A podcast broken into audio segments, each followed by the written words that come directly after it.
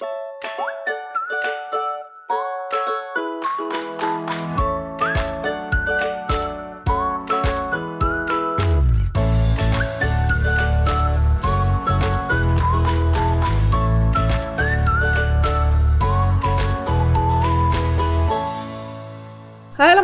welkom bij een nieuwe aflevering van de Wat ik wou dat ik wist podcast. De podcast waarin ik deel wat ik wel eerder had willen weten en verhalen vertel waar jij je als twintiger hopelijk in herkent. De aflevering van deze week gaat over verschillende versies van jezelf en hoe de mensen in jouw omgeving, vrienden, familie, verschillende vriendengroepen, mensen die je weer van school kent, mensen die je van de buurt kent, hoe die allemaal een andere versie van jouzelf meemaken, die een andere indruk van jou krijgen. En dat je je soms ook echt als verschillende personen kan voelen als je bij die mensen bent. Dat is waar ik het over wil hebben vandaag. Want wat is dan eigenlijk de echte versie van jezelf? Op dat onderwerp kom ik zo meteen. Maar ik ga eerst natuurlijk eventjes mijn week met je doornemen. Wat is nou mijn hoogtepunt van afgelopen week geweest? Wat is mijn dieptepunt geweest? Um, afgelopen week ben ik begonnen met een nieuwe klus. Zoals de meeste van jullie wel weten, ben ik social media expert, freelancer. En um, ik heb een hele leuke klus gekregen, namelijk bij de 538 Ochtendshow. Nu kan ik dat wel zeggen. Vorige week had ik eigenlijk op het moment dat ik de podcast opnam al bericht gekregen dat ik de volgende dag zou starten. Maar toen wist nog niet iedereen het, dus toen kon ik het nog niet zeggen. Inmiddels uh, werk ik er al vier dagen. Dus ik ben afgelopen donderdag begonnen. Dus donderdag, vrijdag, maandag en dinsdag. Ik neem niet op dinsdag op. En het is echt mega leuk. Um, voor de mensen die dat niet weten, ik heb vroeger ook bij Radio 538 gewerkt in het online redactieteam. Afgelopen zomer ben ik begonnen als freelancer en natuurlijk altijd nog goed contact gehouden met uh, uh, de mensen die daar werken. Ook echt hele leuke vriendschappen opgebouwd daar. En um, met één daarvan, dat is de online redacteur van de 538 Ochtendshow, die uh, heeft nu zes weken verlof omdat zijn vriendin is uh, bevallen. Dus hij heeft een soort vaderschapsverlof voor zes weken. En die zes weken neem ik hem dus over, wat heel chill is voor beide partijen. Want ik heb een hele mooie klus en um, ja, ik, ik ken natuurlijk alle ins en outs. Ik weet hoe het daar zo gaat. Uh, dus zij hoeven mij ook niet heel erg in te werken. Dus dat is wel heel cool. Dus um, volg zeker eventjes de social media kanalen van de 538 Ochtendshow. Uh, we plaatsen heel veel fragmenten ook. En uh, ja, helaas, ik noem het maar eventjes helaas, sta ik daar ook vaak op de achtergrond in beeld. En ik ben nu ook heel erg bewust van de gezichten die ik trek ik weet van mezelf al, mijn vriend zegt het ook wel eens, dat als ik naar tv aan het kijken ben, dat ik dan heel erg mee kan bewegen met wat er op het scherm gebeurt. Dus als iemand heel boos kijkt, dan ga ik ook boos kijken. En als ik Um, als iemand uh, heel verbaasd kijkt, dan ga ik ook verbaasd kijken. En uh, ik heb ook best wel een resting bitch face, ben ik achtergekomen. Want als ik mezelf nu terugzie op die fragmenten af en toe, dan denk ik... Oh, dus zo ziet mijn gezicht er in ruststand uit. Um, dus nou ja, dat is uh, wat minder om jezelf op die manier te moeten monteren, zeg maar. Dus ik probeer maar vooral op de hoofdpersonen te letten. Alle fantastische mensen van de ochtendshow zelf. En uh, vooral heel veel leuke content te creëren. Want daarvoor uh, ben ik daar natuurlijk. Dus uh, ja, dat was toch wel een hoogtepuntje voor mij dat ik daar zo ben gestart. Gewoon weer uh, heel veel heb kunnen connecten met oud-collega's. Daar weer in het pand rondloop. Ik heb het er altijd onwijs naar mijn zin gehad. Dus uh, heel tof om daar weer terug te zijn en zo'n mooie klus te hebben. dan het dieptepunt van afgelopen week. Um, Iets wat ook wel bij het freelancers bestaan hoort, als we het daar dan toch over hebben, is uh, de, uh, de administratie en de aangiftes die je moet doen. Je moet elk kwartaal een aangifte voor je BTW doen, dus je omzetbelasting heet dat. En elk jaar, wat iedereen natuurlijk moet doen, je inkomstenbelastingaangifte. En nu is dat wel een stuk lastiger als je ZZP'er bent, ook omdat er uh, bepaalde regelingen zijn waar je dan weer um, rekening mee moet houden, die soms ook juist heel voordelig kunnen zijn, zeker als starter. Maar ik merk gewoon dat ik daar heel weinig kennis van heb. En um, ik merk nu pas wat voor persoon ik ben, als in dat ik heel, het heel moeilijk vind om dingen uit te besteden, omdat ik ook heel leergierig ben. Dus ik heb zoiets van Weet je, dan, dan doe ik het wel zelf. Dan kost het me ook niks en dan ga ik het lekker uitzoeken allemaal. Maar ik merk gewoon dat dit te hoge greep is voor mij en dat ik me toch te onzeker over dat onderwerp voel om dat volledig uh, zelf te gaan doen. Ik heb het wel altijd zelf gedaan toen ik uh, in dienst was, gewoon omdat het dan net wat praktischer is. En dat is best wel goed te doen. Zeker als je uh, geen investeringen hebt of geen huis gekocht hebt nog. Dan um, zijn er best wel weinig dingen waar je fouten in kan maken. Maar je wil natuurlijk zeker met dat soort dingen absoluut geen fouten maken. Dus ik heb toch maar besloten om te investeren in een uh, boekhouder. En dat is best wel uh, eventjes in je portemonnee grijpen. maar als het goed is, krijg je er ook heel veel belastingvoordelen voor terug. Omdat zij dus die kennis wel hebben. En ik heb ook gevraagd van kunnen jullie me alsjeblieft helemaal meenemen in de keuzes die jullie maken, de overwegingen. Omdat ik er dus ook heel graag van wil leren. Want in tegenstelling tot heel veel andere freelancers vind ik het doen van mijn administratie en de kwartaalaangiftes eigenlijk helemaal niet zo erg. Maar met deze dacht ik toch wel, ja, toch wel slimmer om eventjes daarvoor iemand in te schakelen. En ik hoop dus dat diegene mij zoveel mogelijk aan wil leren, zodat ik het andere jaren zelf kan doen. Het kan ook zijn dat ik dan denk, waarom zou ik dat in godsnaam zelf gaan doen? Ik ga het gewoon voortaan elk jaar uitbesteden, dat kan natuurlijk ook. Maar uh, ja, om eventjes een kijkje te geven in mijn freelancer bestaan, dit komt er dus ook allemaal bij kijken. Oké, dan gaan we door naar het lekker loeren blokje, waarin ik op een luchtig manier de week met je doorneem en kijk wat voor celebrity nieuws er allemaal is. Uh, ik wil beginnen met een nieuwtje over een nieuw programma dat afgelopen maandag is gestart. En dat is het programma Filemon en de Complotten op NPO 3. En dat is elke maandag te zien om tien voor half tien. Tuurlijk ook terug te kijken. En um, ik heb zelf de aflevering nog van maandag nog niet gezien, maar ik wilde hem daarom ook nog niet als kijktip doen, maar meer als lekker loer, omdat ik het onderwerp gewoon echt heel interessant vind. Want het gaat dus over alle verschillende complottheorieën. En als er iets nu gaande is, dan is dat het wel. Uh, ik heb sowieso sinds, nou ik weet al langer natuurlijk dat er ontzettend veel fake news is. Dat um, mensen heel makkelijk voor de eigen onderzoeken kunnen vinden, zeg maar. Dus als je een bepaald standpunt hebt, met, dan ga je gewoon daarna op zoek. En onder de noemer confirmation bias kan je eigenlijk alles bevestigen wat je denkt, zo ongeveer, als je maar lang genoeg zoekt. En ook is voor alles inmiddels wel een community te vinden. Dus hoe gek tussen aanhalingstekens jouw denkbeelden ook zijn. Je kan heel makkelijk denken dat dat de werkelijkheid is, want je kan er onderzoek over vinden en je kan mensen vinden die hetzelfde denken als jij. En zo ontstaan natuurlijk al die verschillende complotten. Uh, zeker uh, sinds de Social Network documentaire, sinds ik die heb gezien, ben ik me daar heel bewust van. En natuurlijk vliegt het je ook om de oren als het gaat over corona. Daar bestaan ook allemaal complotten over. Uh, eh, 5G, nou, noem maar op. Het is afgelopen jaar gewoon ontzettend veel in het nieuws geweest. En ik vind het daarom ook een mega interessant onderwerp. En wat Filemon dan gaat doen, sowieso trouwens wel grappig dat hij dat presenteert. Want ik wist niet eens meer dat hij nog bestond. Misschien heeft hij wel programma's bij uh, NPO gemaakt nog hoor, afgelopen jaren. Maar ik ken hem vooral nog van de programma's van, nou ja, voor mijn gevoel tien jaar geleden. Misschien is het iets korter. Maar wel heel tof dat hij dus weer op uh, tv te zien is. En um, dat hij dus dit programma gaat maken. En het gaat dus niet alleen over de complotten rondom corona. Maar ook bijvoorbeeld mensen die denken dat hun um, overleden kind nu een alien is die altijd uh, op een bepaalde manier in hun leven is. Of nou, bijvoorbeeld ook dat mensen dachten dat um, uh, 5G-masten dat die kapot moesten, omdat daar ook allemaal van dingen mee aan de hand waren. Hij gaat met al die mensen praten en echt uitzoeken van hoe kom je nou tot zoiets? Wat drijft mensen zo ver? Want soms als je dat soort dingen leest, dan denk je wel eens van, oké, oké, jij gelooft dit dus, maar hoe ben je in godsnaam zo ver gekomen? Daar gaat hij dus eigenlijk achter komen. En volgens mij is dit ook heel erg non-judgmental. Dus hij laat mensen echt gewoon uitpraten. Hij gaat er niet um, tegenin of wat dan ook. Ook al zal hij zelf misschien alles heel raar vinden en niet geloven. En dat vind ik ook wel een goede instelling. Dat je dus ook echt kijkt, wat voor mensen zijn dat nou? Um, wat drijft er naartoe? Ik heb ook een interview over dit programma gelezen.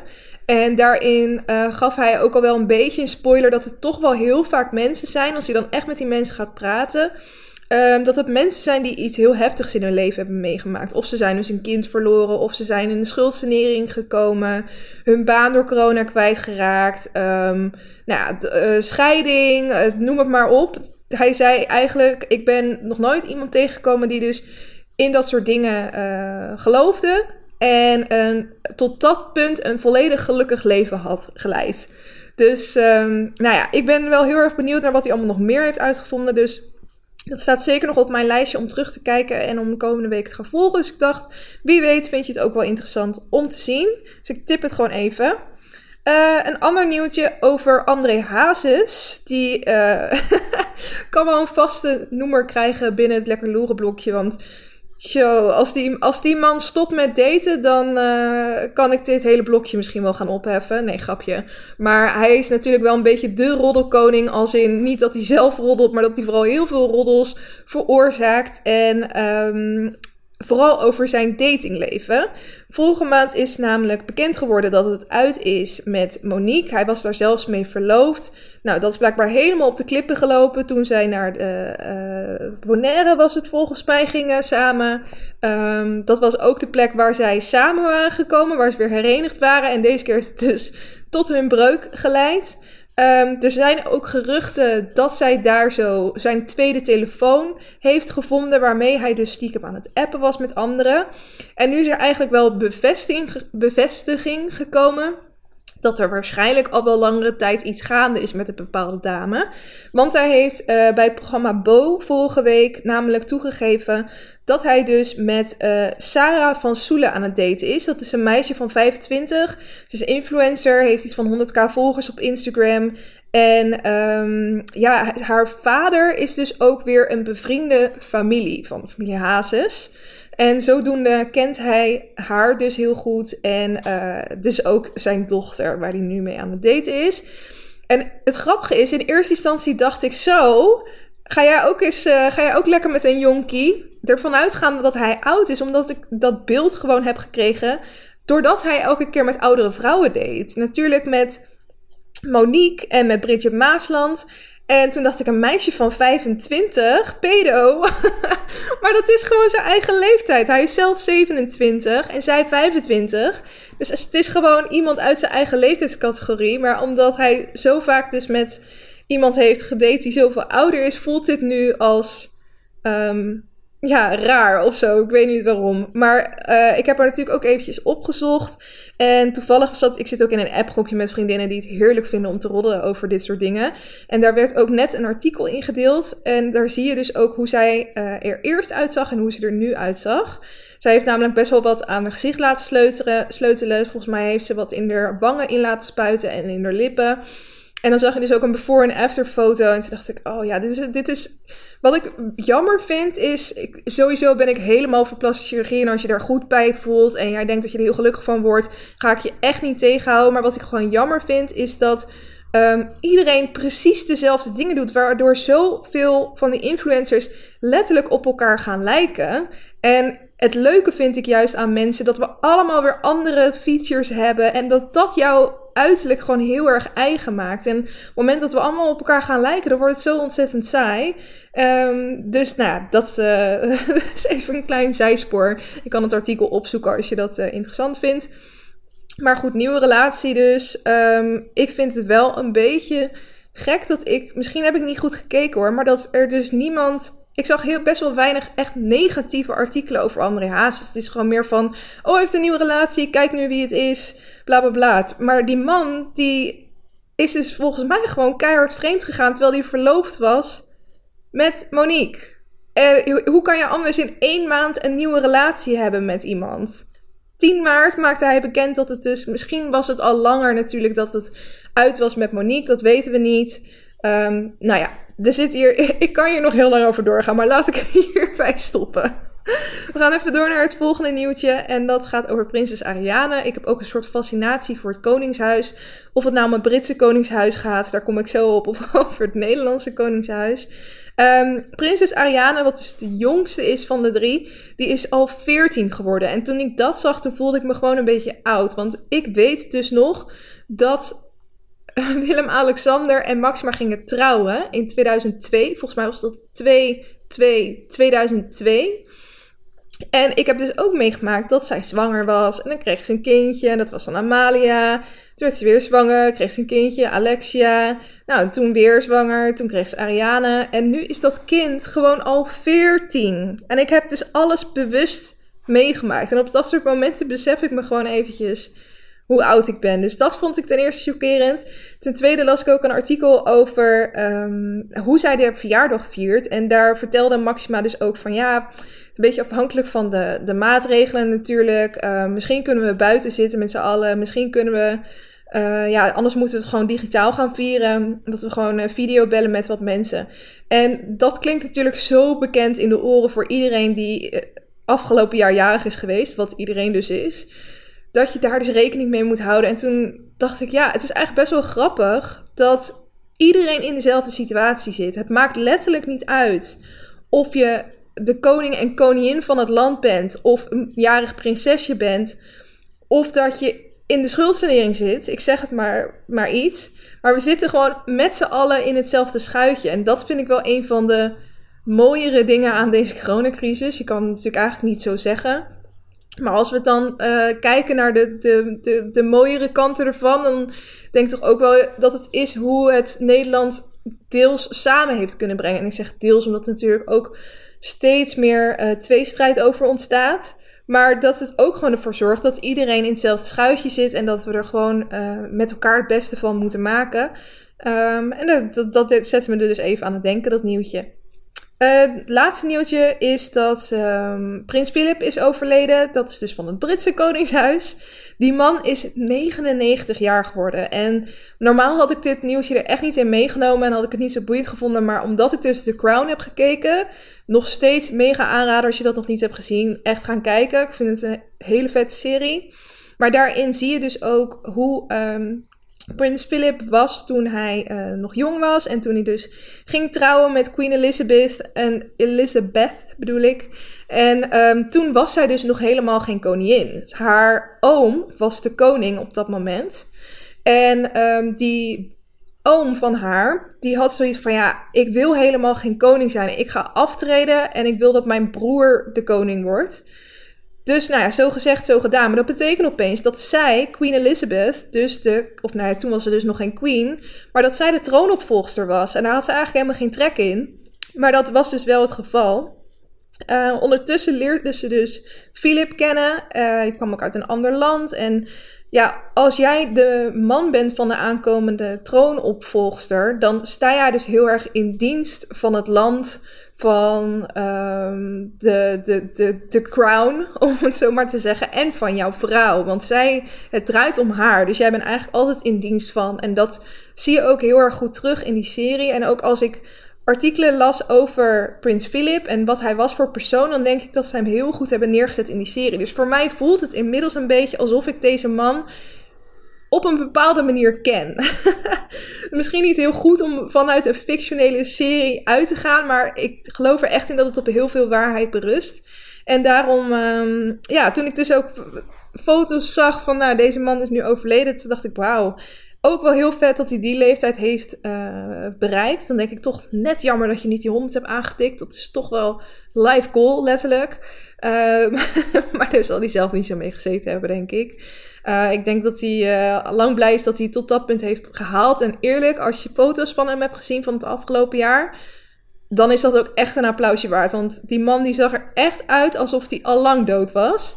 Uh, hij leek letterlijk uit een soort zombiefilm te zijn gelopen. Ik heb nog nooit iemand gezien die al zo. Ja, het klinkt een beetje lullig, maar al zo dood eruit ziet terwijl hij nog leeft.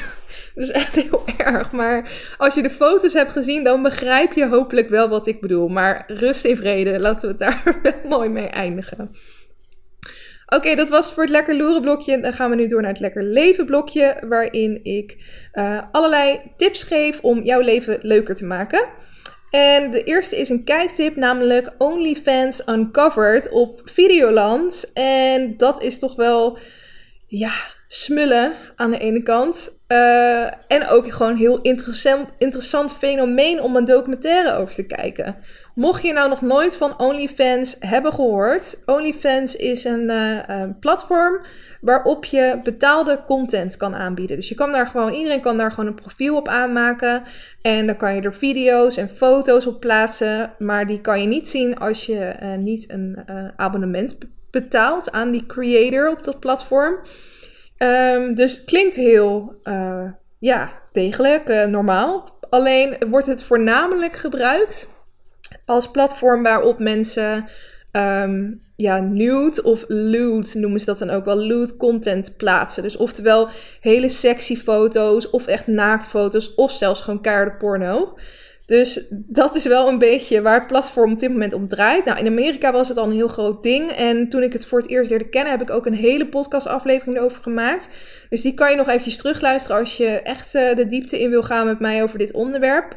Maar um, waarom er nu een docu over is, is omdat heel veel Nederlanders er ook in zijn gedoken. Ze zijn best wel wat mensen die ook al een beetje in die wereld zaten. Bijvoorbeeld met Ex on the Beach of Temptation hebben meegedaan. Of die sowieso veel sexy foto's posten op Instagram. Die hebben nu een, uh, OnlyFans aangemaakt en daar zo uh, zijn er op gaan posten. Onder andere dus Rosanna en Niels van Temptation, als je die kent. Die hebben dat dus ook uh, gedaan. En in die docu zie je dus helemaal hoe die creators dat aanpakken. Je ziet ook hoeveel ze verdienen. Dus bijvoorbeeld zo'n Niels en Rosanna die verdienen per maand 30.000 euro door het plaatsen van de content. Um, zij gaan wel ook volledig naakt en ook wel een soort porno-foto's zag ik voorbij komen. Je ziet ook best wel veel. Zeg maar, de grafische dingen zijn een beetje geblurred, maar je ziet best wel veel ook. Um, en er is dus ook de top creator, die hoort dan bij de 0,9% van de wereld of zo. Een Nederlander is dat en die verdient 65.000 euro per maand. En die rijdt in een dikke bak. En die heeft er ook een hele business uitgebouwd. Die heeft nu zijn eigen onderbroekenlijn. Nou, het is echt enorm fascinerend allemaal. Dus uh, ik zou je zeker aanraden om deze serie of deze docu op Videoland te kijken. Uh, en eventjes mijn podcastaflevering daarover te luisteren. Um, want ik vind het dus rete interessant, dit allemaal. En um, nou, ik ga in de podcast meer op in of ik het nou juist een heel feministisch idee vind. Want um, als vrouw zijn, dan bepaal, betaal je, bepaal je dus zelf wat je wel en niet online zet. Uh, als het gaat over porno of naaktfoto's of wat dan ook. Terwijl uh, mensen uh, die werken in de porno vaak best wel uitgebouwd, uitgebuit worden en weinig betaald krijgen voor de pornofilms die echt op porno-sites staan. En ja, dan is OnlyFans natuurlijk best wel een slimme keuze. Maar voor het hele verhaal moet je maar eventjes die aflevering luisteren. Um, dan nog een luistertip. Had ook onder lekker loeren gekund deze, maar dat is Montero Call Me By Your Name van Lil Nas X. En um, er stond, ontstond nogal wat ophef over dit nummer, met name om de clip. Want de videoclip uh, toont dus Lil Nas X. En hij uh, heeft heel veel make-up op. Hij heeft een sexy lingerie setje aan. Hij is aan het dansen en hij slijt van een pol af. Maar waar mensen zich vooral druk om maken is dat um, het voornamelijk gesitueerd is in een omgeving die heel erg lijkt op hoe mensen normaliter de hel voorstellen. Dus heel veel vuur en vlammen en uh, hoe heet ze, zo'n driehoektand. En uh, uiteindelijk dan zie je dus ook de devil. En wat Lil Nas X dan gaat doen, is in zijn rol, um, uh, hoe zeg je dat, uh, een lapdance geven aan de duivel, zeg maar. In ieder geval, dat is hoe mensen deze clip uh, interpreteren. En voornamelijk voor gelovige mensen, um, maar sowieso wat meer conservatieve mensen, was het een enorme shock en vonden het allemaal niet kunnen. En waren überhaupt al in shock, want hij is dus ook met mannen aan het zoenen. En um, blijkbaar waren mensen nog heel erg in de war over zijn seksualiteit, terwijl hij daar best wel open over is geweest. Maar dat terzijde, jongens, het is echt een heel chill nummer. Dat wil ik ook gewoon even gezegd hebben. Dus daarom heb ik hem ook als luistertip gedeeld. Omdat ik gewoon vind dat je dit nummer lekker op je playlist moet zetten. Want elke keer als ik hem voorbij hoor komen, en dat was in het begin dus vooral vanwege de ophef, denk ik, oh, chill nummertje. dus uh, daarom wilde ik hem toch even genoemd hebben. En je kan dus ook zeker de clippen kijken. Hij heet dus Montero tussen haakjes Call Me By Your Name van Leones X. Dan tot slot een uh, download tip. En dat is een app, namelijk de Face app. Misschien heb je daar in het verleden wel eens van gehoord.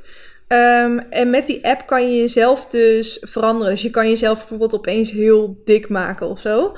Maar ze hebben nu allemaal updates gedaan met AI en weet ik veel allemaal. En je kan jezelf nu dus ouder maken. Nou zijn er wel meer apps die jou opeens ouder kunnen maken. Of jou er ouder uit kunnen laten zien. Maar ik heb resultaten gezien van mensen die het dus met deze app hebben gedaan. En het is echt insane hoe realistisch dat eruit ziet. Uh, ik zal nog wel wat, wat keer wat voorbeelden delen op mijn Instagram daarvan. Maar je moet het eigenlijk zelf gewoon eens gaan uitproberen. Je kan best wel echt een high resolution foto gebruiken.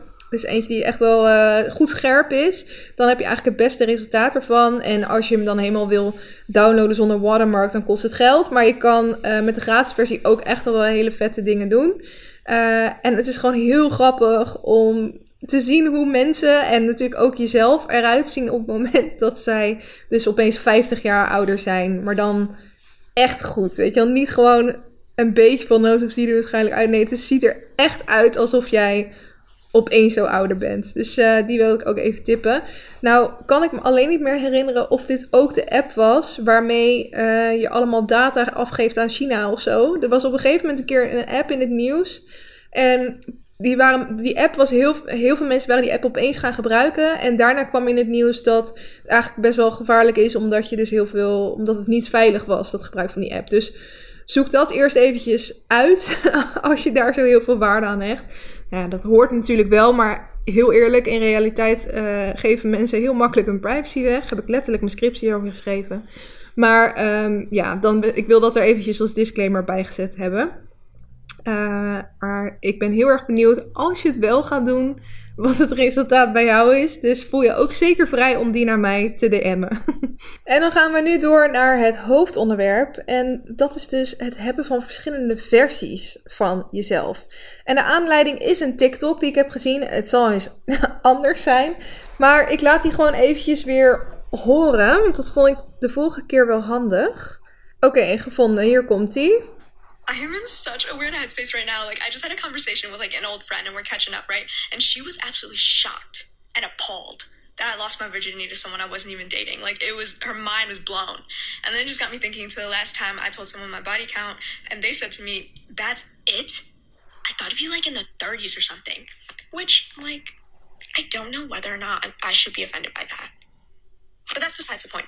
And that just got me thinking about how I have different roles in different people's lives and how in different circles, perceptions of me are so wildly different and seemingly contradictory, yet none of them are false relative to like my relationship with that person or those people. You know what I mean?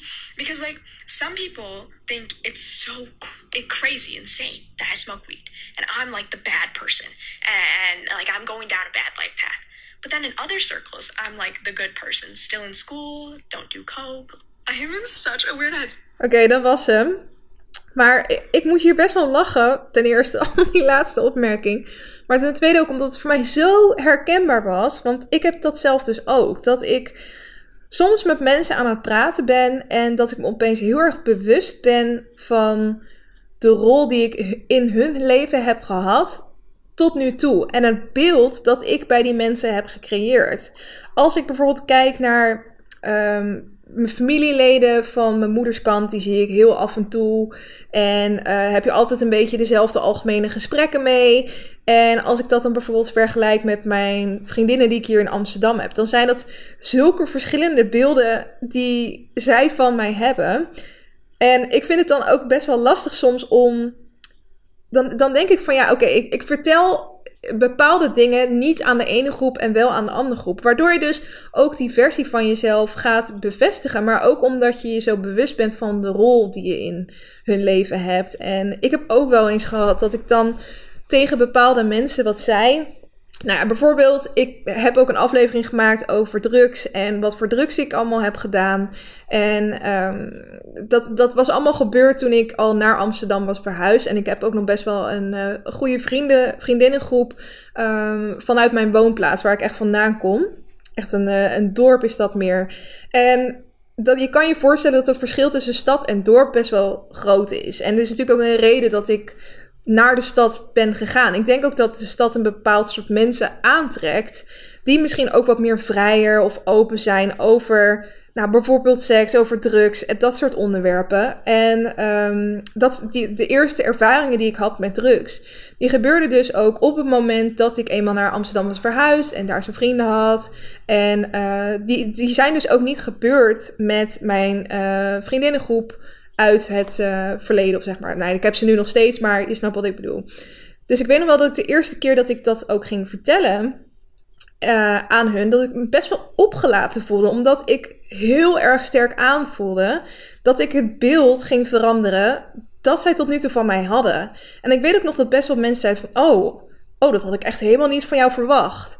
En ik probeerde toen ook heel erg bij mezelf te interpreteren van, hoe voel ik me er nu over dat deze mensen dus nu anders over mij zijn gaan denken? Want ik merkte dat heel erg. En um, aan de ene kant deed dat een, beetje pijn misschien of zo, omdat blijkbaar was ik eerst heel onschuldig en heb ik dat beeld nu veranderd. En aan de andere kant dacht ik, ja, hallo, dit, ieder mens ontwikkelt zich elk jaar opnieuw. En je doet elke keer weer nieuwe ervaringen op. En het is eigenlijk heel raar um, als mensen jou zouden vasthouden aan, het, aan, het, aan de persoon die jij vijf jaar geleden was.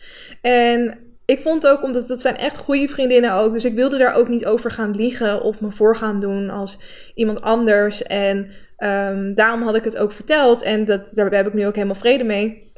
Maar ik besefte me wel heel goed van, oh, dit is eigenlijk best wel apart dat je inderdaad uh, een heel ander beeld bij mensen hebt gecreëerd op bepaalde aspecten. En dat dat ook niet per se een verkeerd beeld is, zoals, zoals dat meisje ook zei in uh, de TikTok-video. Het is niet dat dat een verkeerd beeld is van jou, maar het is een, een, nog steeds op waarheid gebaseerd. Maar uh, waarheid op basis van een andere fase in je leven, misschien. Um, mocht je trouwens niet weten wat body count is, daar had ze het ook over. Dat, daar kwam ik dus heel laat achter. Misschien kom ik nu op je over als, oh mijn god Kelly, ga je nu echt uitleggen wat body count is? Of je denkt nu, ik weet ook niet wat body count is. Nou, voor die mensen ga ik het even uitleggen. Dat is dus het aantal mensen met wie jij in totaal uh, seks hebt gehad. Dus zij zei daar ook over van, nou, één iemand was helemaal in shock dat ik aan diegene vertelde van ik, uh, uh, hoe zeg je dat? Maagdelijkheid. Ik heb maagdelijkheid verloren ik probeer op het goede woord te komen. Ik heb, nou ja, ik heb eerst, voor de eerste keer seks gehad met een jongen en daar had ik geen relatie meer. Daar was diegene helemaal van in shock. Terwijl tegen iemand anders zei ze haar body count. Dus oftewel het aantal mensen met wie ze seks had gehad. En diegene zei, oh ik dacht dat dat echt veel hoger zou zijn. Dus dat geeft maar aan wat het verschillende beeld kan zijn dat andere mensen uh, van jou hebben. En probeer ook zelf eens terug te denken aan...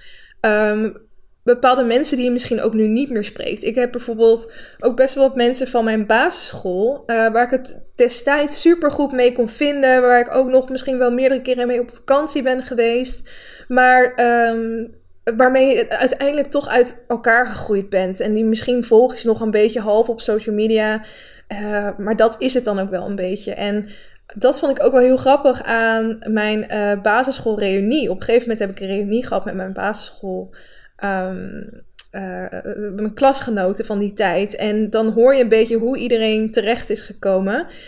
Maar het is ook heel ongemakkelijk, omdat jij je dus nog steeds heel erg bewust bent van de versie die jij bent geweest of die jij in het hoofd bent van die mensen. Misschien denken zij nog wel steeds terug aan de 12-jarige Kelly met er, uh, die elke dag een, een, outfit en een volledige kleur aan had. Die Olili dingen droeg, die diddelplaatjes verzamelde, die kwikjes in had. En dan heb ik het alleen nog over uiterlijk. Maar ik was ook gewoon qua innerlijk naar mijn idee een heel ander mens. En misschien denken zij dan nog wel steeds zo over mij. En wat voor indruk ga je dan nu weer opnieuw Of in hoeverre ga je die versie die jij ooit aan hun hebt overgebracht nu aanpassen in hun hoofd? En het is natuurlijk ook andersom zo dat op het moment dat jij weer iemand ontmoet die je heel lang niet hebt gesproken, dat je opeens beseft, oh, diegene is echt helemaal veranderd. Of dat nou in positieve of negatieve uh, zin is. En dat, that's life, weet je. Dat, dat hoort er gewoon uh, allemaal bij. Maar het kan je ook wel een beetje van je stuk brengen van... Als ik zoveel verschillende versies van mezelf heb of laat zien of ben in verschillende hoofden, welke versie ben ik dan echt? Wie ben ik nou eigenlijk echt? En dat stipte dat meisje in die video ook heel kort aan. En dat vind ik misschien nog wel het interessantste punt. Want dat, dat is natuurlijk waar heel je twintiger jaren ook om draaien. Dat je erachter komt wie je nou eigenlijk bent. En ik denk dat het daarom ook heel goed is om juist te experimenteren. En om verschillende vriendengroepen te hebben. En te testen wat voor levensstijl nou eigenlijk goed bij je past. En op sommige plekken of punten in je leven gewoon maar een beetje wat aan te kloten. En uh, misschien ook wel juist heel goed om je er bewust van te zijn dat je dus verschillende levens leidt in het hoofd van andere mensen. En um, constant bedenkt van wel, waar voel ik me nou eigenlijk goed bij. En dat je vooral ook niet voor andere mensen gaat leven of voor het beeld dat andere mensen van jou hebben. Maar um, daarvan los probeert te frikken en te achter te komen wat voor versie nou het best bij jou past. En ik denk dat deze uh, coronacrisis, het thuiszitten, alle lockdowns daar misschien ook wel heel goed voor zijn geweest. Want ik heb het idee dat heel veel mensen aan zichzelf hebben gewerkt, uh, echt erachter proberen te komen wie ze nou eigenlijk zijn, wat voor leven daar nou eigenlijk bij past. En ook om wat minder scheid te hebben aan de mening van anderen, want je ziet letterlijk minder andere mensen. En je voelt je ook minder beïnvloed, omdat je minder FOMO. Daar heb ik natuurlijk vorige week ook uitgebreid over gehad. Het is niet dat je elke keer meer op social media voorbij ziet komen wat andere mensen van jouw leeftijd aan het doen zijn. Dus je hebt ook minder indrukken van buitenaf. Dus eigenlijk is slash was dit de beste tijd om erachter te komen wie je nou bent, wat er goed bij je past. En ik denk dat je ook nooit op een punt komt dat je het volledig uitgevogeld hebt, omdat je dus elke keer opnieuw verandert. En de versie die ik nu ben, die gaat ook weer verloren. Want over vijf jaar ben ik waarschijnlijk weer een heel ander mens. En bepaalde eigenschappen zullen altijd overeind blijven staan. Maar um, er gaat altijd ook over vijf jaar een moment komen dat ik weer iemand uit mijn verleden tegenkom. En diegene vertel ik waar ik nu ben in mijn leven. En diegene zegt: Oh, dat had ik eigenlijk helemaal niet van jou verwacht. En dat boeit eigenlijk niet. Weet je, het is. Het is uh, nou, ik weet niet. Ik vind het echt een enorm fascinerend onderwerp um, om over na te denken. Wat voor uh, versies er allemaal zijn van jezelf. En ik zou je ook zeker aanmoedigen om dat bij jezelf eens na te gaan. Wat voor verschillende vriendengroepen je hebt of wat voor cirkels je beweegt. Um, ik zat ook in de comments te kijken van deze TikTok-video en toen zag ik ook mensen commenten. Ja, dat is ook de reden waarom ik nooit al mijn vrienden tegelijk op mijn verjaardag uit zou kunnen nodigen. En um, dat vond ik ook wel een leuke, want ik heb dus ook van die verschillende kleine groepjes. En um, ik heb best wel wat jaren, dus ook niet een groot feest voor mijn verjaardag gegeven. Ik denk dat ik dat misschien niet meer heb gedaan sinds ik in groep 8 zat. maar dat ik het eigenlijk veel leuker vond en me er zelf dus ook veel fijner bij voelde.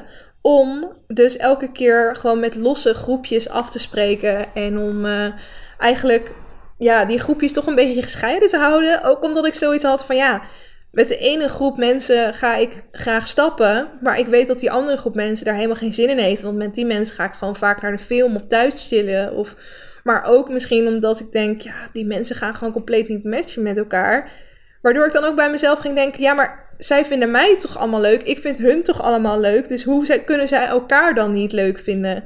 En leuk is een groot woord, want ik denk dat ze uiteindelijk allemaal wel met elkaar overweg zouden kunnen. Maar het is meer dat je. Dat ik het heel grappig vind dat je zoveel verschillende mensen in je leven kan hebben. Waar je het dus allemaal even goed mee kan vinden.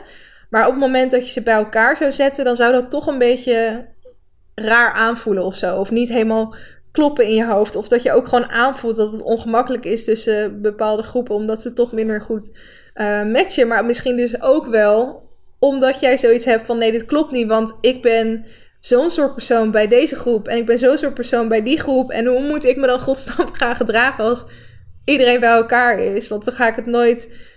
Ja, hoe ben ik alle versies van mezelf tegelijkertijd? Misschien is dat wel een mooie vraag om het, uh, om het op te eindigen. Um, wil je nog verder over dit onderwerp met me praten? Dan vind ik dat altijd alleen maar leuk. Dan kan je een DM sturen naar wat ik wou dat ik wist podcast op Instagram. Um, ja, dus dat eigenlijk. Dat wou ik eventjes deze week met jullie bespreken. Ik ben heel erg benieuwd hoe jullie hierover denken, over dit onderwerp. Uh, volgende week een hele interessante, want dan heb ik weer een gast. Ik probeer altijd één keer per maand minstens een gast te hebben. En deze keer is het een, uh, een podcastluisteraar eigenlijk. Die mijzelf een mailtje heeft gestuurd omdat zij een boek heeft geschreven over haar um, reis, of ja, hoe, hoe, moet je dat zeggen, haar ervaring met anorexia. En zij heeft dus daar een boek over geschreven, maar ze vindt het ook uh, goed om daarover te praten in een podcast. Wat ik sowieso echt wel super knap vind en daar al een digitale buiging voor wil doen.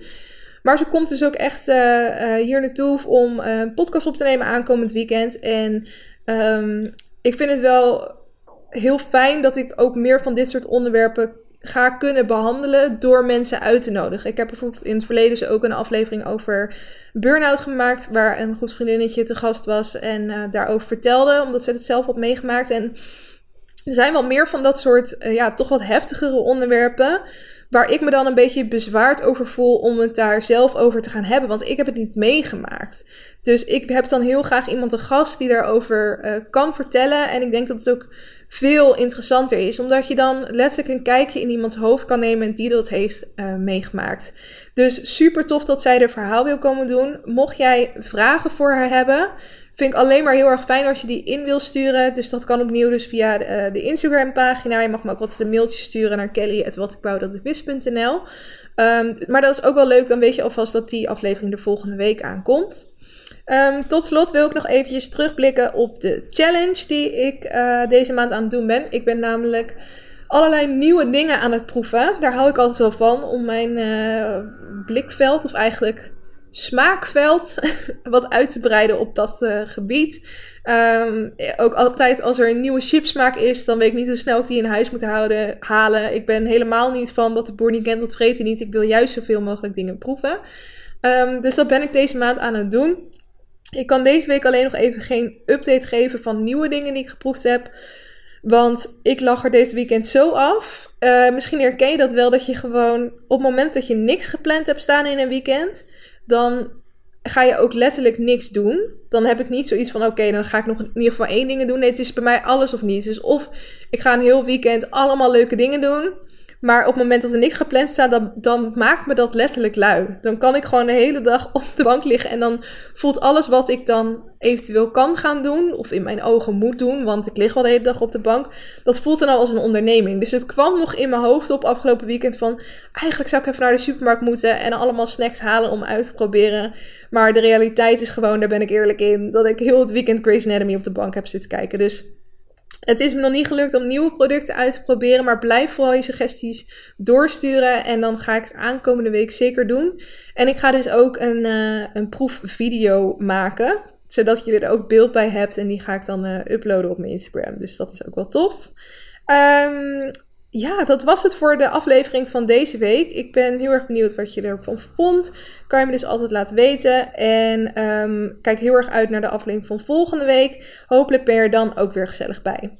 Oké, doei doei, fijne week.